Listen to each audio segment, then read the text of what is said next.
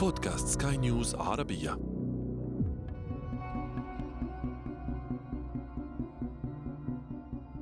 في منطقة القرنة بالبر الغربي لمدينة الأقصر المصرية وجدت مقبرة فرعونية فريدة وبديعة. لم تكن لملك أو أمير بل لمهندس وفلكي يسمى سننمود كان يعمل مهندسا للملكة حتشبسوت لم يعثر داخل مقبرته على كنوز ثمينة أو مومياوات نادرة. بل على نقوش عجيبة على السقف. خريطة فلكية كاملة. يعتقد أنها أول خريطة فلكية في التاريخ. تصور كواكب وأبراجا ومجموعات نجمية. كان ذلك في الألف الثاني قبل الميلاد. وفي القلب من هذه الخريطة كوكب أحمر. لطالما شغل البشر منذ وجودهم على الأرض. اعتبره المصريون هو الإله حورس الأفق. الإله الذي صوروه على هيئة إنسان برأس صقر. ولم يشغل ذلك الكوكب المصريين القدماء فقط. فعند البابليين يعتقد أنه كان رمزا للإله نركال. وفي حضارة المايا عرف بوحشه وهو مخلوق يشبه الببغاء مع أنف مثل جذع الفيل. أما عند الأستراليين القدماء فاعتبروا أنه مع الزهرة عينان لكائن سماوي. ومع أنه لم يلقى عند اليونانيين تقديرا كبيرا ونظر إليه باستخفاف لكنه كان على العكس تماما عند الرومان. الذين عرفوه باسم إيريس واعتبروه إلها للحرب والقوة والفحولة. وهكذا من المصريين والبابليين إلى المايا واليونانيين ومن السكان الأصليين لأستراليا إلى الصينيين احتضن ذلك الكوكب المريخ الأساطير والدين والأدب. أصبح موقعا في التقويم عند بعض الحضارات ورمزا جنسيا عند أخرى وإلها للحرب عند حضارة ثالثة ومنزلا محتملا لرجال صغار أو وحوش ضخمة في مخيلة البعض لكن لماذا المريخ تحديدا؟ ما هو سر انشغال البشر منذ القدم بهذا الكوكب؟ هل يمكن أن يتحول إلى كوكب نعيش عليه في المستقبل؟ كيف يمكن لمسبار أن يمنح الأمل للبشرية في سبر أغوار ذلك الكوكب؟ أهلا بكم أنا عمرو جميل وأنتم تستمعون إلى بودكاست بداية الحكاية بداية الحكاية منذ العصور القديمة وأنظار البشر تتعلق بالسماء بتلك السدم السابحة في فضاء سرمدي. اعتقدوا أن الكواكب تتحكم في مصائرهم واعتقدت بعض الحضارات أن لكل كوكب إله يتصادقون أحيانا ويتقاتلون أحيانا أخرى لكنهم ابدا لا يموتون كتلك الكواكب المعلقة في السماء. ظل المريخ تحديدا يمثل شغفا خاصا للفلكيين والعلماء والفلاسفة. وصحيح أن تلك النظرة الأسطورية والتكهنات البدائية تغيرت في العصور الوسطى لكن اهتمام البشر لم يختفي ابدا بالكوكب الأحمر. ربما كان يوهانس كيبلر أول من قدم تصورا علميا صحيحا عن مدار المريخ في عام 1609 تلاه جاليليو جاليلي الذي كان بحسب وثائق وكالة الفضاء الأمريكية ناسا أول من استخدم تلسكوبا بدائيا لمراقبة المريخ. تلا ذلك محاولات من جوفاني كاسيني وكريستيان هويجنز الذي تكهن بوجود كائنات ذكية خارج كوكب الأرض في كتاب نشره في عام 1698 وكانت أبحاث هويجنز عالم الفضاء الدنماركي مهمة لأنها قدرت حجم المريخ في المئة تقريبا من حجم الأرض. قدر أيضا طول اليوم على المريخ ب 24 ساعة. وهو ليس بعيدا جدا عن الوقت الحقيقي الذي قدر لاحقا ب 24 ساعة و39 دقيقة و35 ثانية. وهكذا ظلت معارف البشر تزداد حول المريخ. عندما تم اكتشاف أقماره في القرن التاسع عشر وصورت قنوات مائية على سطحه في بداية القرن العشرين. لكن ما كان معتمدا على مشاهدات بصرية أو تلسكوبات وحسابات فلكية في الماضي.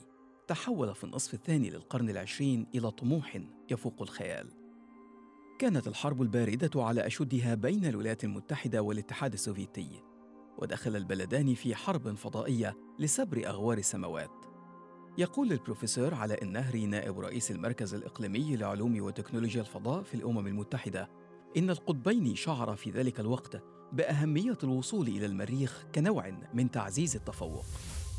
هو الدافع الرئيسي كان في ذلك الوقت آه، من يسيطر على الفضاء؟ هل الاتحاد السوفيتي ولا أمريكا؟ الاتحاد السوفيتي سبق أمريكا في محاولة الوصول إلى المريخ أو إلى مدار المريخ. كان أول حاجة سنة 60 وكان الحاجة اللي طالعة دي أو المركبة الفضائية كانت اسمها fly by ال fly by ده المركبة اللي بتدور حوالين آه، الكوكب وليس في المدار يعني بتصور من بعد بتقرب من المدار وتصور. فروسيا فشلت حوالي ثمان ثمان محاولات فشلت آه، أو ثمان محاولة نجحت آه، اللي هي طلعت فيه أول حاجة كان ليها المارس 2 أمريكا سنة 64 عملت مارينر ثلاثة وأربعة مارينر ثلاثة فشل وأربعة في نفس الشهر نجح.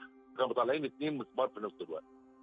أدى ذلك لأن تشهد الفترة من بداية الستينيات إلى منتصف السبعينيات تسابقا محموما بين القطبين. هدأت وتيرته كثيرا في الثمانينيات لتعود في منتصف التسعينيات مع انضمام أعضاء جدد لنادي مكتشف المريخ. ضمت اليابان ودول أوروبا ثم الهند والصين في الألفية الجديدة.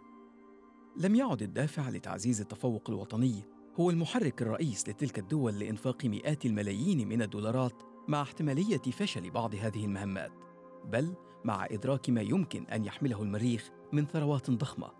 قد تفوق كثيرا. أي خسائر قد تتعرض لها تلك المهام؟ وتفوق أيضا ما قد تجنيه تلك الدول من الاستثمار في الموارد على الأرض كما يقول البروفيسور علاء. كوكب المريخ ليه أكثر من وجهة بالنسبة للدول عايزة تحتله إزاي وتسيطر عليه إزاي وتستعمله إزاي؟ لو اتكلمنا عن الوجهة الاقتصادية المريخ يقع بالقرب منه حزام الكويكبات. حزام الكويكبات ده فيه كويكبات فيها ذهب وبلاتينيوم دي عناصر نفيسة.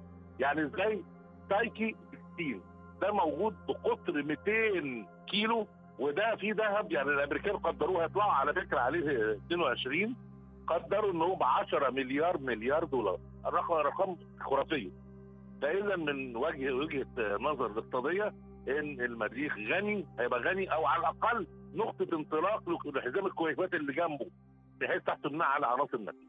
طيب لو اتكلمنا على الجنس البشري يعني النهارده بيحاولوا آه، يقول لك الحفاظ على الجنس البشري. هم خايفين من أي أي حرب نووية هتاخد الأكثر باليد. وبالتالي بيقولوا الحفاظ على الجنس البشري واستعمار المريخ. فالمريخ الجار الأقرب إلى الأرض. وبالتالي وسهوله الوصول عليه عليه كمية كبيرة جدا من المية. يعني عنده مية بقى ولكن بقى في صوره متجمده المية دي لو زادت تغطي سطح المريخ عند 11 متر. اذا النهارده أنا ممكن أستزرع المريخ. المريخ فيه مشكلة في الم... في الهواء وفي في الطقس بتاعه إن ثاني اكسيد الكربون نسبته 95% الأكسجين قليل أو 1 10% فالنهاردة أنا لما أزرع حتى لو كان ماء مالح في نباتات اسمها ال halophytes أو النباتات الملحية أنا يبتدي من عملية تبادل غازي يطلع الأكسجين وياخد ثاني اكسيد الكربون النبات. اذا ممكن يهيئ بيئة للبشر يعيشوا عليها. وكان هذا الإدراك بأهمية المريخ ما دفع دولا عديده من بينها الإمارات لاستكشاف الكوكب الأحمر. أطلقت الإمارات في يوليو من عام 2020 مسبار الأمل الذي سيوفر عن المريخ معلومات لم توفرها مسبارات سابقة. اولا إن هو هيبقى على ارتفاع أعلى مدار من أي مدار لمسبارات موجودة في مدار المريخ. بالتالي هيقدر يصور نص سطح المريخ وده ما فيش أي مسبار موجود صور النص إلى الآن. وفي نفس الوقت تحمل أجهزة علمية على مستوى عالي جدا. ودي هدفها إن هي تصور جو المريخ بايه؟ الضوء المرئي والأشعة فوق بنفسجية. وفي نفس الوقت بتقدر تقيس العمق البصري للجليد والغبار على على سطح المريخ بتقدر تقدر كمية الأوزون الموجودة وبتقدر تاخد صور طبعا عالية الدقة 16 ميجا بكسل.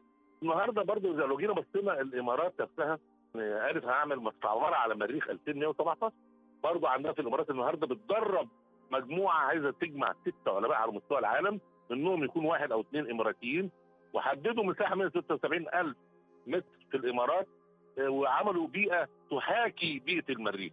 وقالوا هنخلي فيها الناس سنتين ما يخرجوش منها عشان نشوف هيتقبلوا نفسيا ولا لأ. فالنهاردة العالم عايز يستعمر المريخ. قبل نحو أربعة ألاف عام ربما كان الفلكي المصري سننموت وهو يرسم خريطة السماء في مقبرته. كان ينظر إلى المريخ وهو يتساءل عن طبيعة ذلك الجرم السابح في الفضاء بلونه المبهر. ربما لم يدر بباله حينها أنه سيأتي يوم لن يكون الحلم البشري بالوصول إليه فقط بل بإعمار ذلك الكوكب والحياة عليه. بداية الحكاية.